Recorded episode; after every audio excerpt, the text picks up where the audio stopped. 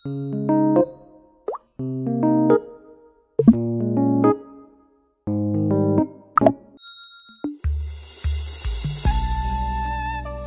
pendengar terkasih, para pecinta firman Tuhan. Syukur pada Tuhan hari ini renungan harian bisa ada bersama Anda. Judul renungan saat ini adalah mengendalikan diri. Bacaannya dari 1 Petrus 4 ayat 7 sampai 11.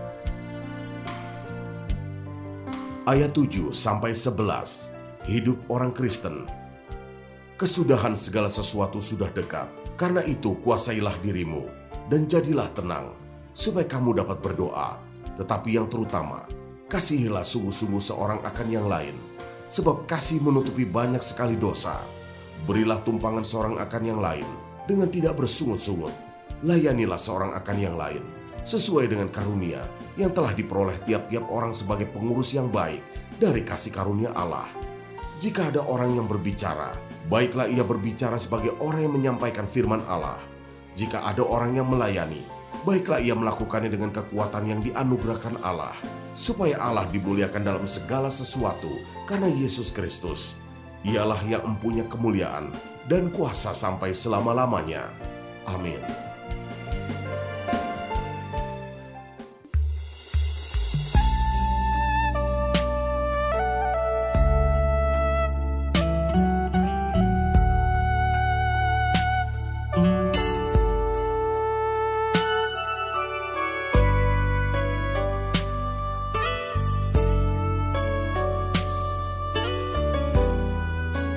Kesudahan segala sesuatu sudah dekat.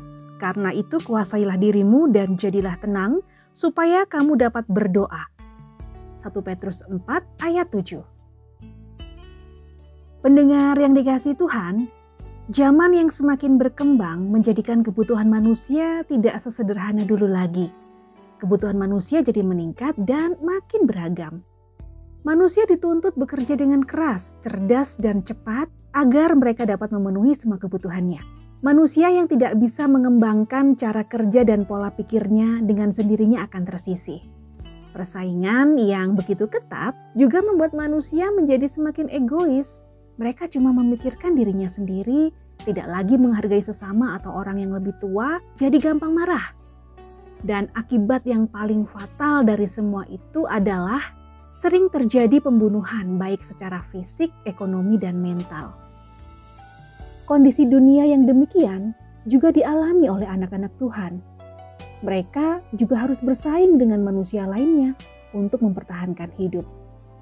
Tetapi kita sebagai manusia yang sudah mengenal kebenaran, kita harus bisa dibedakan dari manusia lain yang belum mengenal kebenaran, yaitu dalam hal pengendalian diri. Orang percaya dituntut untuk bisa mengendalikan diri dan mengutamakan hukum Allah dalam menjalani perjuangan selama hidup di dunia ini. Mengendalikan diri menjadi poin penting ketika menghadapi kerasnya dunia, karena orang yang bisa mengendalikan diri akan meminimalis konflik dan bisa menggunakan akal sehatnya dengan baik ketika diperhadapkan dengan masalah.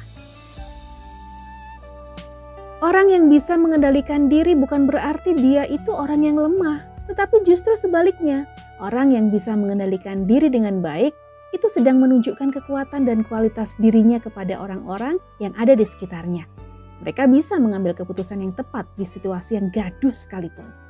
Pendengar terkasih, marilah kita belajar mengendalikan diri dan menjaga kualitas hidup dengan baik. Dengan demikian, hidup kita memuliakan nama Tuhan dan menjadi berkat bagi sesama. Orang yang tak dapat mengendalikan diri adalah seperti kota yang roboh temboknya. Amsal pasal 25 ayat 28. Tuhan Yesus memberkati.